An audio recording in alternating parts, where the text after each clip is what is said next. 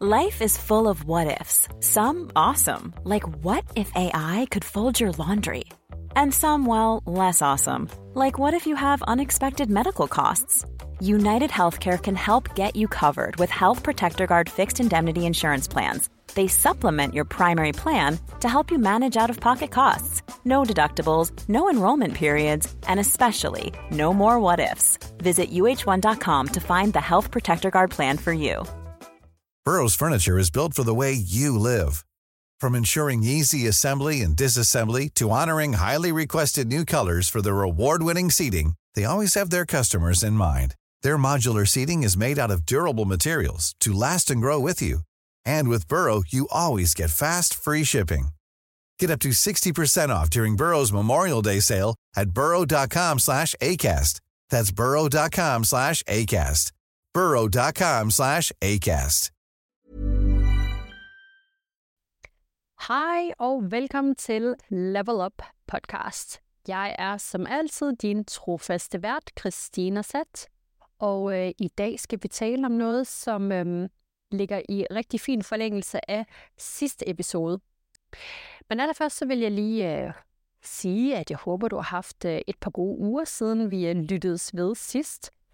Og øh, måske har du en virksomhed, måske kunne du tænke dig en, hvis det er tilfældet, så, eller hvis du bare interesserer dig for iværksætteri endnu en gang, så, øhm, så er det altså det, som øh, vi skal tale om i dag. Men sådan helt konkret, så er det faktisk øh, lidt eller en opfølgning på sidste episode, fordi at øh, jeg har fået en del henvendelser positive på øh, sidste episode, men jeg har også fået nogle ønsker om, at jeg lavede en mere sådan praktisk øh, gennemgang, eller ja, en episode, som gik lidt tættere og lidt dybere sådan på praktikken omkring det her med at starte en virksomhed.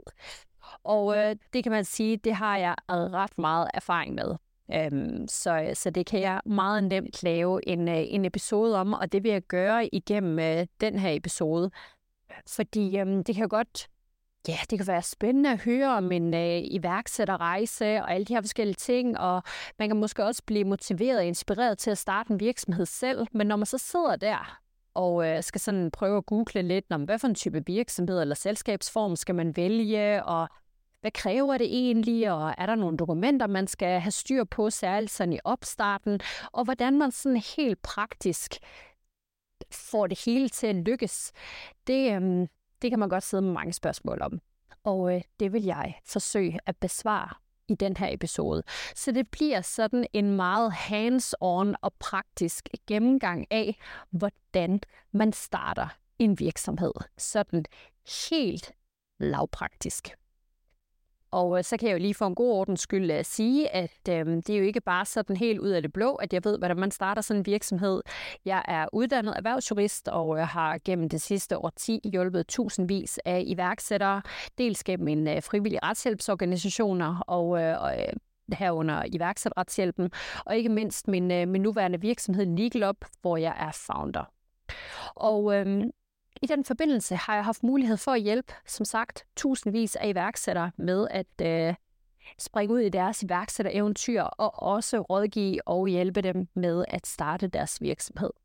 Øhm, og i min virksomhed Legal Up, hvor vi sådan helt konkret hjælper iværksættere eller nyopstartede med at øh, springe ud i iværksætterlivet og starte deres virksomhed, jamen der hjælper vi jo små og mellemstore virksomheder med alt det juridiske i forbindelse med deres opstart, drift og vækst. Og øh, derfor så skal vi i den her episode stille skarp på alt fra, hvordan du opretter din virksomhed, får et CVR-nummer og kommer godt i gang fra et juridisk perspektiv. Og øh, jeg glæder mig som altid til at dele min viden om alt det juridiske særligt, som øh, du skal have på plads Øhm, hvis du sidder og har en iværksætterdrøm, fordi så vil jeg da gøre mit allerbedste for at hjælpe dig med at gøre den til virkelighed. Vi springer bare direkte ud i det. Til at starte med, så skal man ligesom have fundet ud af, hvad for en forretningsform man skal vælge. Om det skal være et selskab eller en virksomhedsform.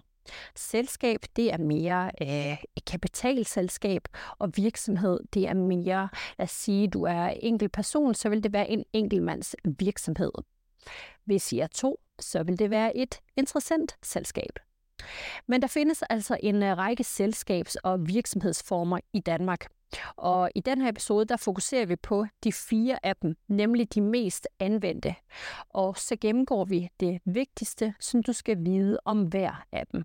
Så du kan måske allerede nu godt sådan lige øh, finde en eller anden øh, notesblok på din telefon og skrive ned, eller en helt almindelig traditionel gammeldags blok og øhm, pen, hvad jeg lige vil sige, blyant, kuglepind, whatever, hvis, øh, hvis du har brug for at tage noter igennem den her episode. Men øh, inden vi går i gang, så er der øh, først og fremmest en vigtig forskel, som du skal kende. Og det er, at der er forskel på selskab og virksomhed. Registrerer du dit CVR-nummer som virksomhedsform, altså enkeltmandsvirksomhed eller IS, så hæfter du i udgangspunktet personligt, ubegrænset og solidarisk. Omvendt registreres dit CVR-nummer som et kapitalselskab, så hæfter du som udgangspunkt ikke personligt, men alene med selskabets kapital. Og grunden til, at jeg siger som udgangspunkt ikke personligt, det er selvfølgelig, hvis du kommer til, det må du ikke komme til, men hvis du har skrevet under på, at du hæfter personligt i en eller anden sammenhæng.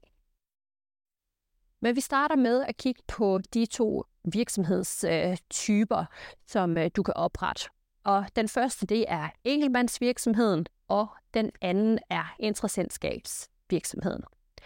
Kendetegnet ved en enkeltmandsvirksomhed er, at den kan kun oprettes af en enkelt person, og altså ikke af flere personer.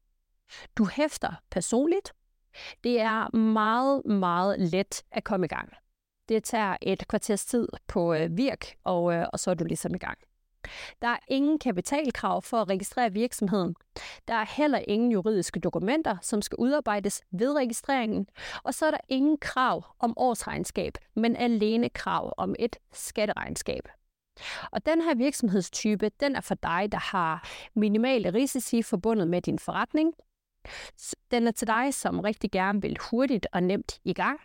Og så er den til dig, der er soloselvstændig og, og påtænker at forblive det i hvert fald et godt stykke tid i opstarten. Og den er også til dig, der potentielt ikke er på udkig efter partner eller investering her nu, fordi du altså kun kan stå med dig selv i den her virksomhed. Du kan altså ikke få partner ind, og du kan heller ikke sælge øh, andel eller anparter. Og så er den også til dig, der måske ikke har kapitalen til et FES her og nu. Den næste virksomhedsform er et IS, altså et interessant selskab.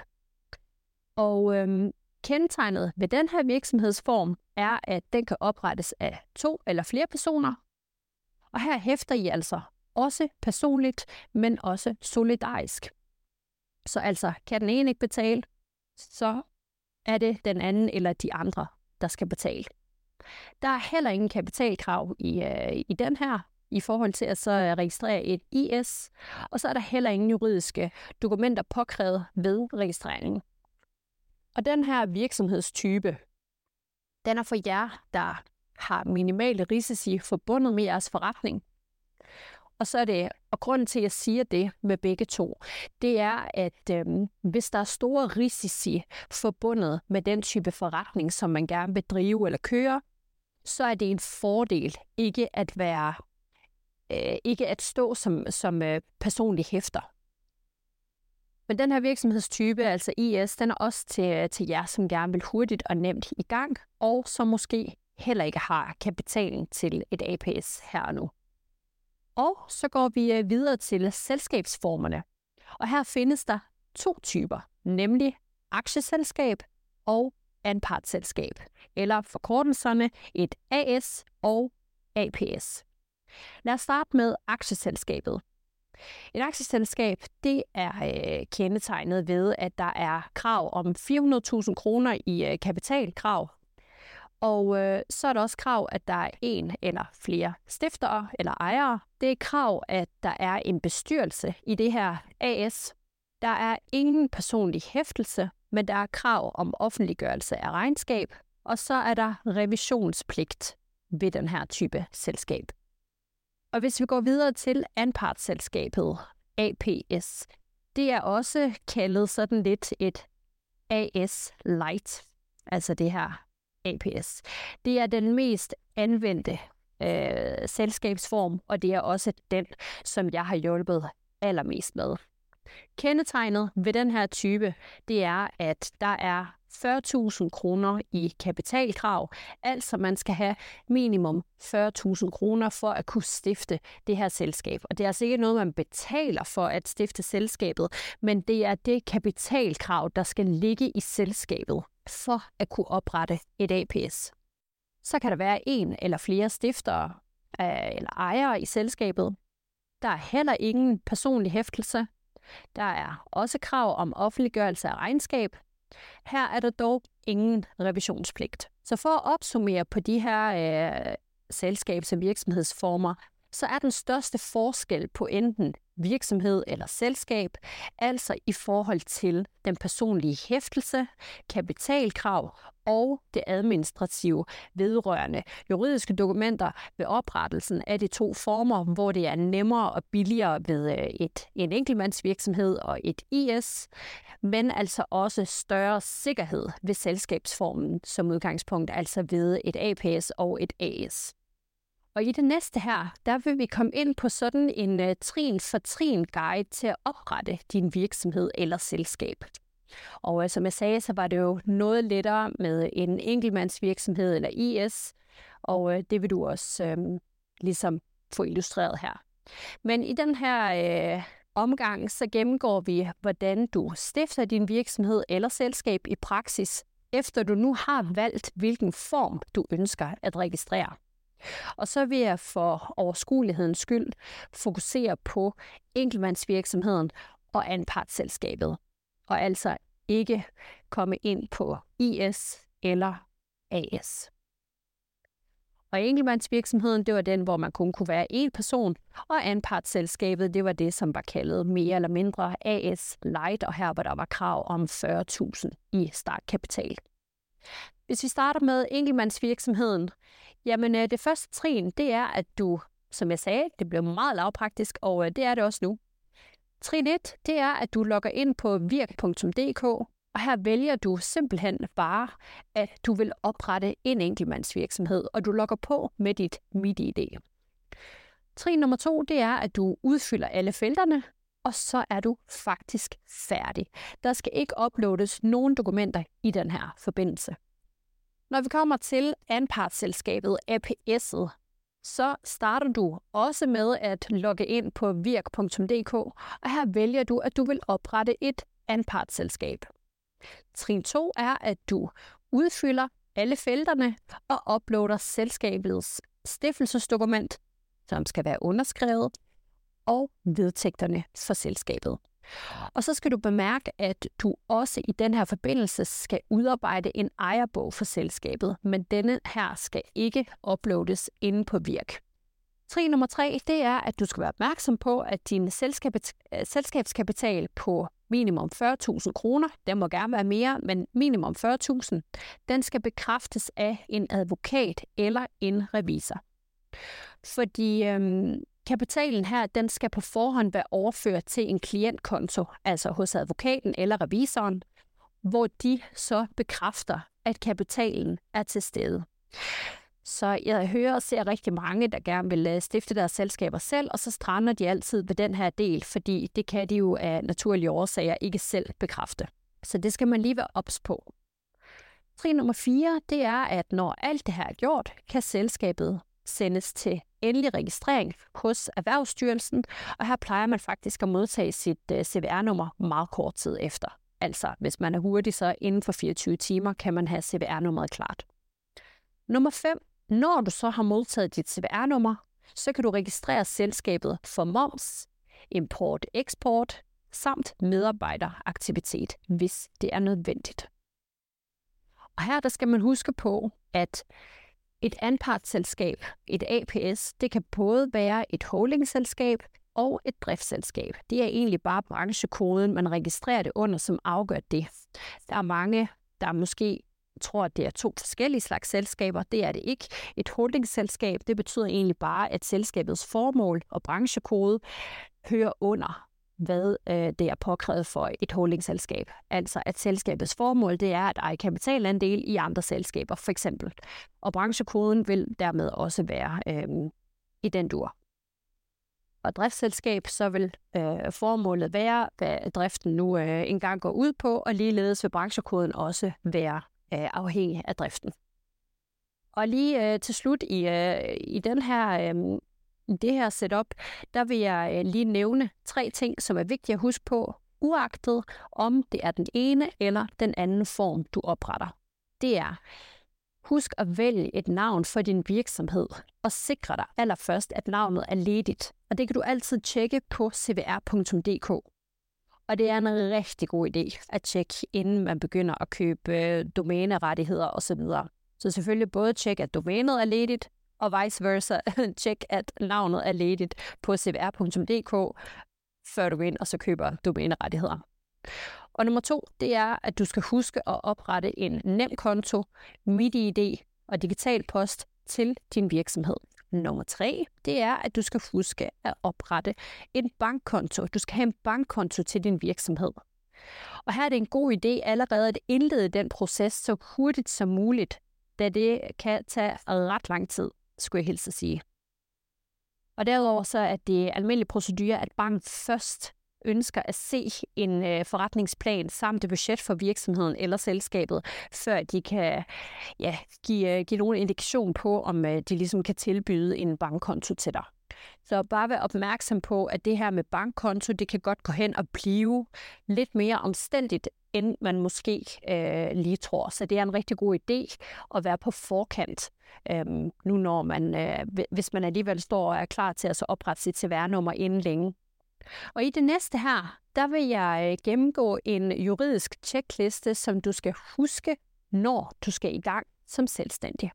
Fordi når du skal starte en virksomhed og i gang som selvstændig, så er der jo rigtig mange ting at være opmærksom på, skulle jeg også lige gilde at sige.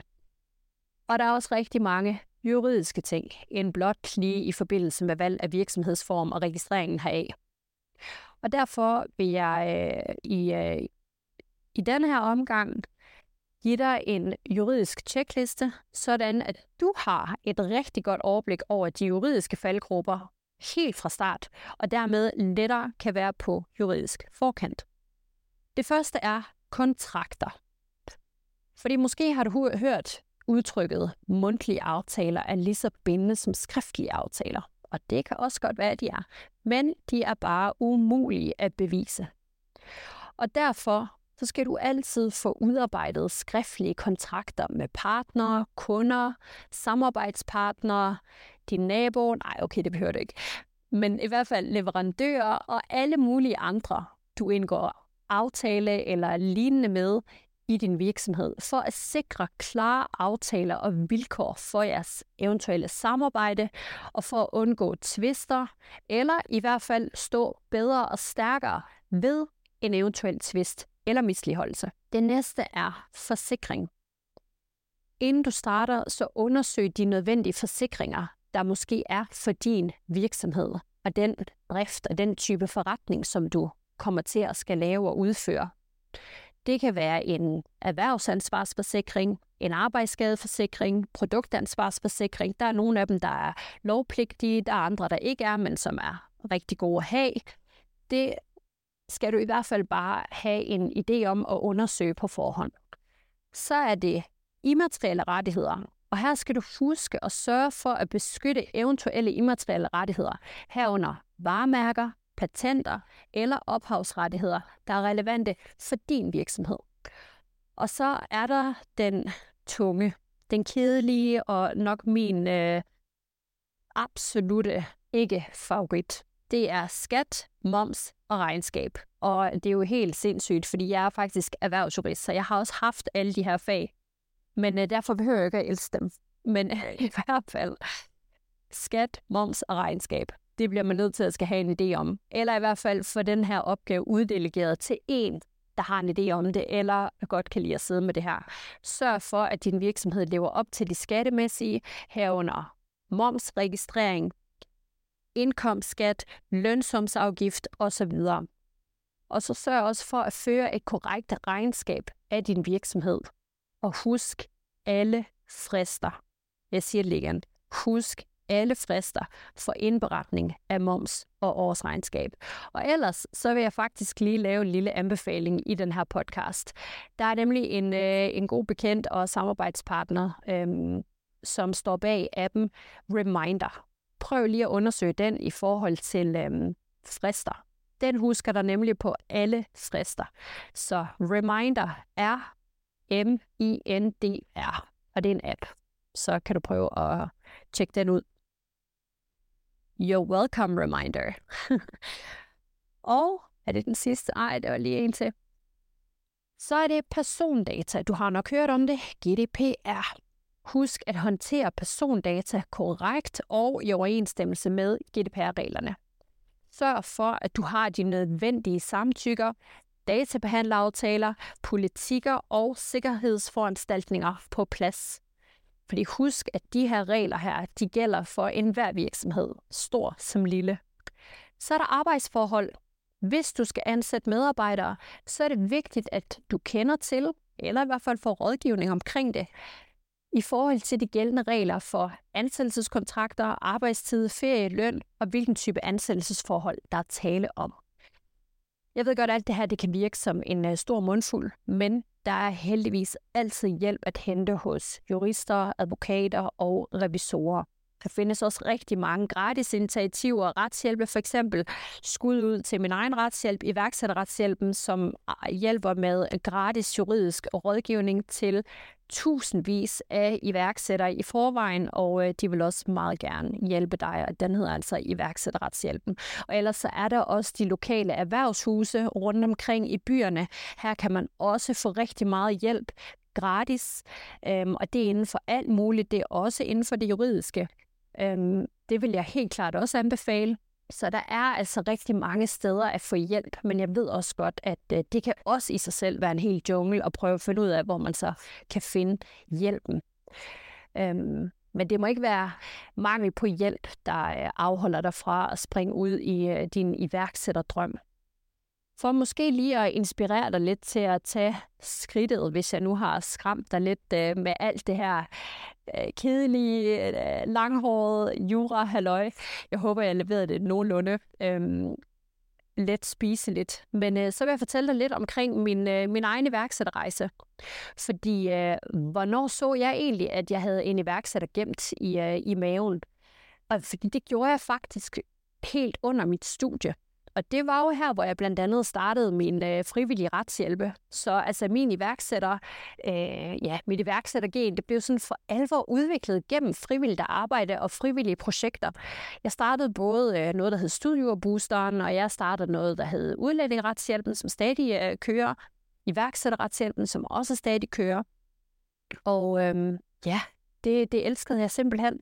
Så, øhm, og der følte jeg virkelig, at jeg fandt mit purpose. Og det har jeg også talt om i tidligere episoder. Men det her med, når man finder et eller andet, og man kan bare mærke, at ens blod, det sidder, hvis ikke man, gør, hvis ikke man ligesom agerer på det.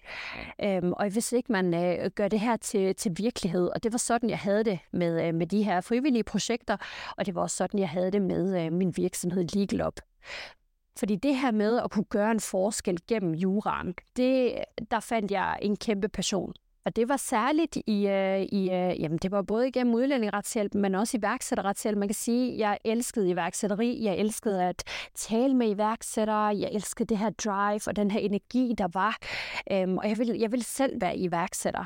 Så det blev faktisk øh, igennem iværksætterretshjælpen, at jeg, øh, jeg fandt ud af, hvor meget jeg brændt for at være iværksætter, hvor meget jeg brændt for at hjælpe iværksættere, og, øh, og simpelthen bare være en del af det. Øh, og det var ligesom det, der blev øh, springbrættet til, at jeg kunne gøre en forskel gennem min virksomhed Legal Up. Fordi øh, nu var jeg jo færdiguddannet, og, øh, og jeg havde fået så meget indsigt og erfaring i, øh, igennem iværksætterretshjælpen, og, og jeg vidste lige præcis, hvad der manglede i markedet. Og øh, det var også noget af det, jeg gik mere dybt med i sidste episode, hvor jeg fortalte omkring min, øh, min fem år med Legal Up, fordi jeg for nyligt havde øh, fem års jubilæum med min virksomhed Legal Up. Og så synes jeg faktisk, at, øh, at det har været, fordi man kan sige, at jeg var kvinde, det er jeg stadigvæk. og, øh, og jeg sprang ud i en øh, ret øh, mandsdomineret branche, altså både advokatbranchen, men også iværksætterbranchen, og øh, som, er som har været meget mandsdomineret. Og det synes jeg faktisk var super interessant at være kvinde i. Øh, jeg kunne godt lide det her med, at, øh, at man var man var en ud af få. Øh, fordi så fik man også øh, mulighed for at gå forrest og bane vej for forhåbentlig mange andre kvinder, som man kunne inspirere. Og dermed så følger jeg faktisk også, at øh, det var et ansvar at, øh, at være ene kvinde i et rum, for eksempel.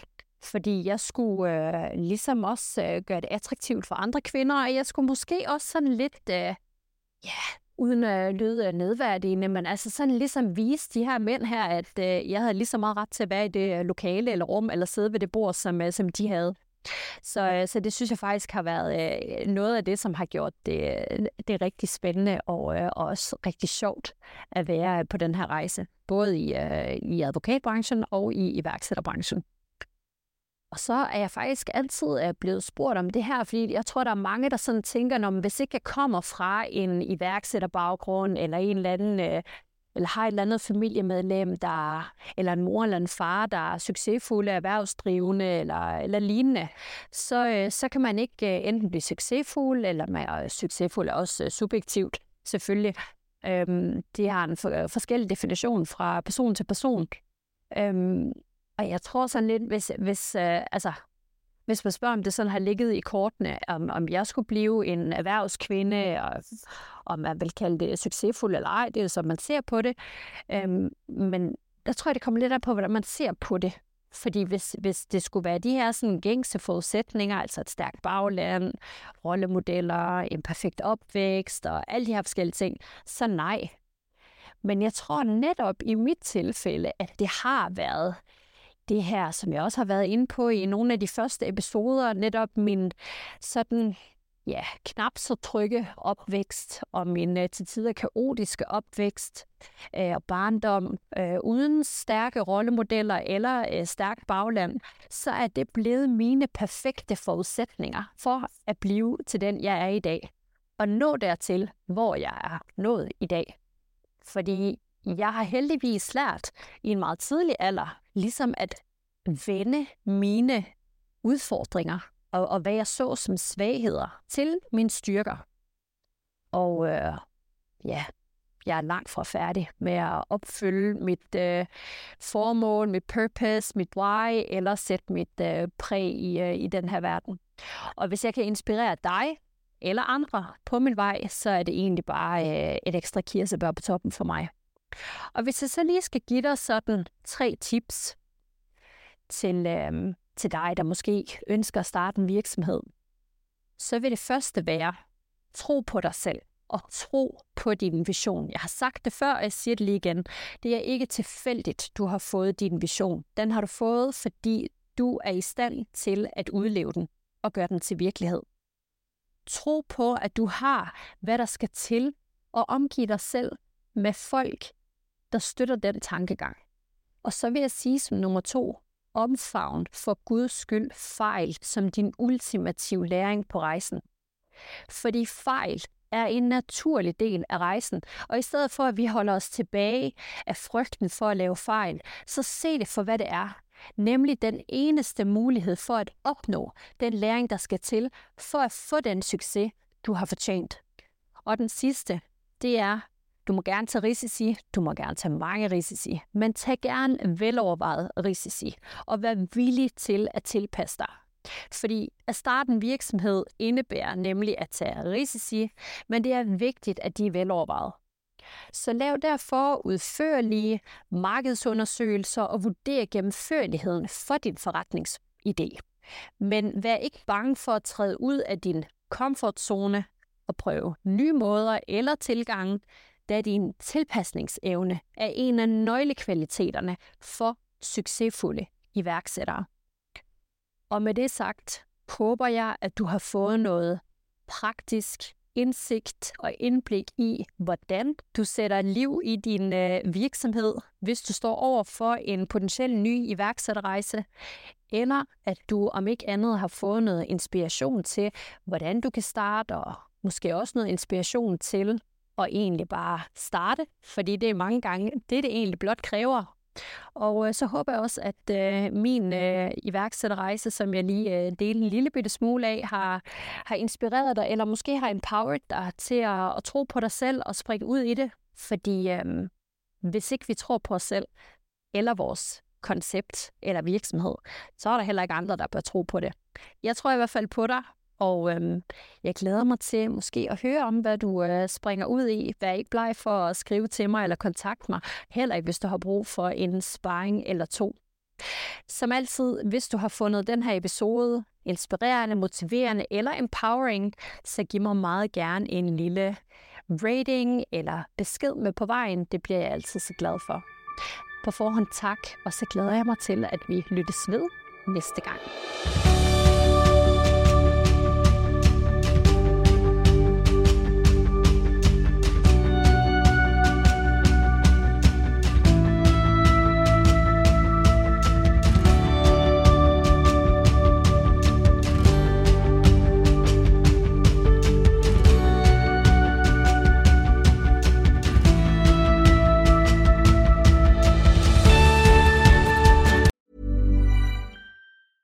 Planning for your next trip?